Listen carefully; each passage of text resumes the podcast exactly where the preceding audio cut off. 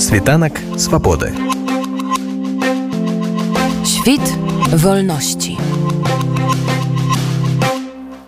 Дзяды гэта дзень, які ў апошнія дзесяцігоддзі з дня традыцыйнага ператварыўся ў палітычную падзею. Сёння гэта адзначаюць усе беларусы, якія памятаюць пра гэты дзень і шануюць яго як адзін з элементаў беларускай культуры, які ў часы панавання рэжыму лукашэнкі апынуўся пад пагрозай знікнення. У нашыя часы ў гэты дзень беларусы ўспамінаюць не толькі сваіх продкаў, але і беларускую інтэлігенцыю знішчаную падчас сталінскіх рэпрэсій, палідзняволеных закатаваных у турмах рэжыму лукашэнкі а таксама ваяроў якія аддалі сваё жыццё за вольную Беларусь і вольную украіну. Але пры ўсім гэтым людзі не забыліся і пра традыцыйны складнік гэтага дня. Нас всячески там пытались от этого отучить. Вы из нас все белорусское выкорчевать. Вот я тому пример, понимаете, я понимаю по-белорусски, но говорю на русском, потому что плохо им владею, хотя я уже 40 лет в Беларуси. Поэтому, да, вот я конкретный пример. Поэтому деды – это то, за что надо держаться. Как за мову, как за культуру. Так, ну, во-первых, я вспомню своих, кто из своей родни, да, кто у меня уже ушел. И у нас в Витебске есть ребята, которые погибли в полку Калиновского – которых мы вспоминаем и на их дни рождения, и, конечно, сегодня. Арганізатары маршу выкарысталі яго, каб зноў нагадаць, што ў Беларусі не знікла праблема палітвязняў. І гэта атрымалася. Падчас руху маршу вялікую цікавасць выказвалі асабліва замежныя турысты, якія здымалі калону беларусаў і пыталіся, што гэта за мерапрыемства. Адбыліся і выступы грамадскіх і палітычных дзеячоў з прамовамі. Адной з удзельніц мерапрыемству была і прадстаўніца аб'яднанага пераходнага кабінету па культурным адраджэнні Аліна Коўшык. На працягу ўсяго ўсяго маршу яна несла лампадку якую потым пакінула каля мемарыяла забітым у катыні польскім жаўнерам у памяць і аб польскіх ахвярах рэпрэсіі гэта была спонтанная ідэя пакінуць лампадку з якой сёння прастаяла падчас нашай акцыі. Акурат у гэта месца бо гэта месца памяці гэта месца памяці замардаваных у катыні польскіх афіцэраў. Але для мяне гэта просто сімвал тых жудасных рэпрэсій савецкага часу. Іх я бы хацела паставіць сёння гэтую лампадку ў курапатах альбо у гародні альбо ў чайсах у тых месцах дзе мардавалі беларусаў забівалі безвінных беларусаў савецкія ўлады але сёння мы можемм зрабіць гэта ў варшаве Я думаю, што на дадзены момант не так важна, у якой частцы свету мы гэта зробім. Важна, што мы гэта зробім і ўзгадаем усіх тых людзей. Але не проста ўзгадаем, а будзем сапраўды рабіць працу дзеля таго, каб аднавіць гэтыя імёны і гэтую памяць. І я вельмі радая, што гэтая праца ўжо ідзе. Я думаю, што перадусім гэта свята традыцыйнае, гэта свята сапраўды народная, гэта дзень, які быў вельмі важным для беларусаў спрадвякоў. Але праз астатнія 35 гадоў ад першага маршу на курапаты, які адбыўся 30 кастрычніка, гэта свята набыло іншы сэнс. Але яно набыло іншы сэнс, таму што мы даведаліся больш пра тыя жудасныя рэпрэсіі, якія чынілі савецкія рэпрэсіўныя ўлады на беларускіх грамадзянах. Большасць гэтых імёнаў мы яшчэ не ведаем, мы не ведаем, дзе яны пахаваны, таму перад намі вялікая праца. І таму так важна ўзгадваць і каб гэтае свята мела некалькі вымярэнняў, наше асабістае у сям'і узгадаць бабулю дзядулю. Вось сёння я думаю пра майго дзядулю які памёр на пахаванні якога я не змагла быць таму што зараз немагчыма паехаць у Беларусь. Узгадываю маю бабулю маю прадзядулю усіх тых нашых блізкіх родных пахаваных на розных могілках у беларусі.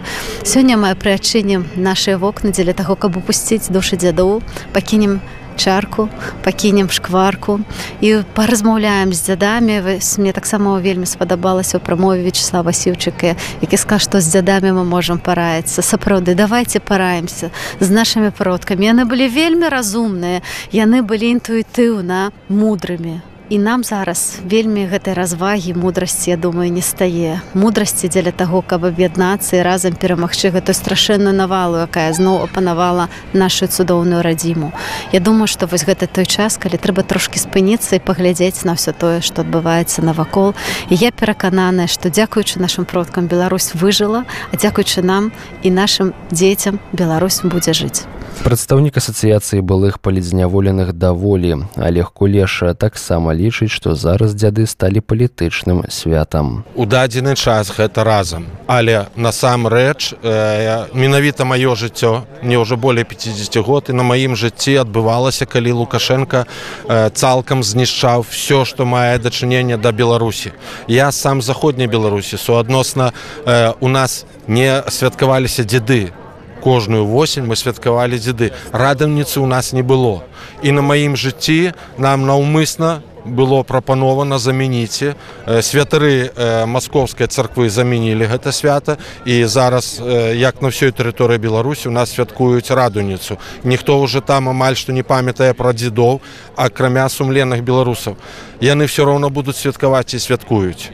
Гэта можна заўважыць і э, вось я ў сваёй прамове казаў можа хто-нибудь паставіць куцю. Куцю ставіць на ганачку і калі ты ідзеш каля маёнкаў будынкаў то бачна што там стаіць куця значыцца людзі маюць рацыю што там што яны беларусы маюць сваю свядомасць яны святкуюць гэта свята все роўна гэта спрадвечнае наше свята яно з даўняй з даўніны у нас існуе але і дажынкі у нас з даўніны існуюць яго таксама нейкі вырадак зрабіў палітычным святам Таму зараз і дзеды палітычнае свята Таму што у нас з'явіліся дзеды якім яшчэ фактычна жыць да жыцці дзяцей выхоўваць а яны ўжо дзеды. Дарэчы асацыяцыя беларускіх палідзняволеных даволі ўжо стварыла свае старонкі ў садсетках створаны і механізм далучэння да гэтай асацыяцыі. І яна нават ужо стала суарганізатарам мерапрыемства. А менавіта дэбатаў якія адбудуцца ў музеі вольнай беларусі ўжо сёння.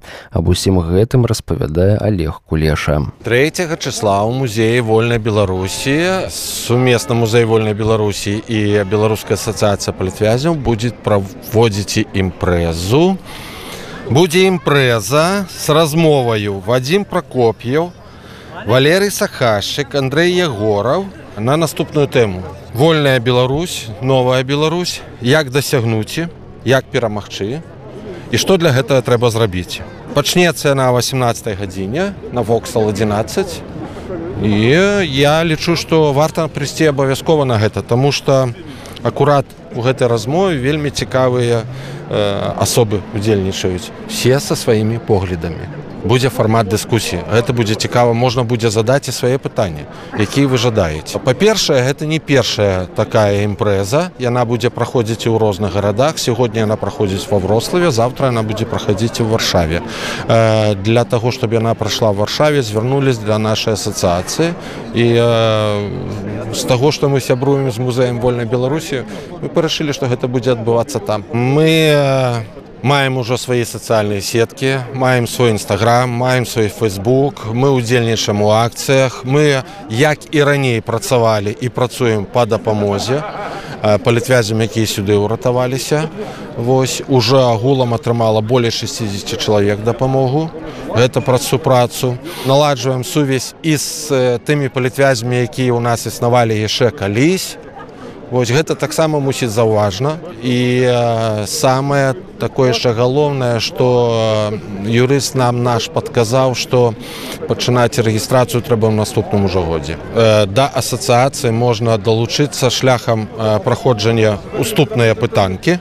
Яна ў гул форме, яна бяспечная, там няма тых дадзеных, якія пра вас былі невядомыя, Таму што да нас далучаюцца людзі в асноўным афіцыйныя палітвязі непрызнаныя палітвязі то есть фактычна пра іх все роўна хтосьці дзесьці пісаў альбо праваабарончыя пляцоўкі альбо нейкія выдання суадносна патаемна мы нічога не збіраем э, яны ў нас захоўваюцца дарэчы все роўна бяспечна яны знаходзяцца ў трэцяй краіне якая не з'яўляецца чальцом еўразвязу Вось. І звярнуцца да нас можна праз нашы сацыяльныя сеткі мы заўжды адказваем мы удзельнічаем таксама у марафоне Вось праца по марафону у нас складаней чым в астатніх пляцоўках з таго што мы не маем юрыдычнай сваёй ну рэгістрацыі а, а працуем у марафоне як грамадская пляцоўка суадносна э, ну альбо мы не паспелі альбо марафон за хутка пайшоў суадносна мы павінны прайсці марафон праз супрацу. Таму ёсць розныя юрыдычныя супынення якія мы здольваем. Я лічу што мы іх хутка здолеем. Канешне гэта вельмі складана і марудзіцца праца але мы трымаемся пакуль. Веры яшчэ не страцілі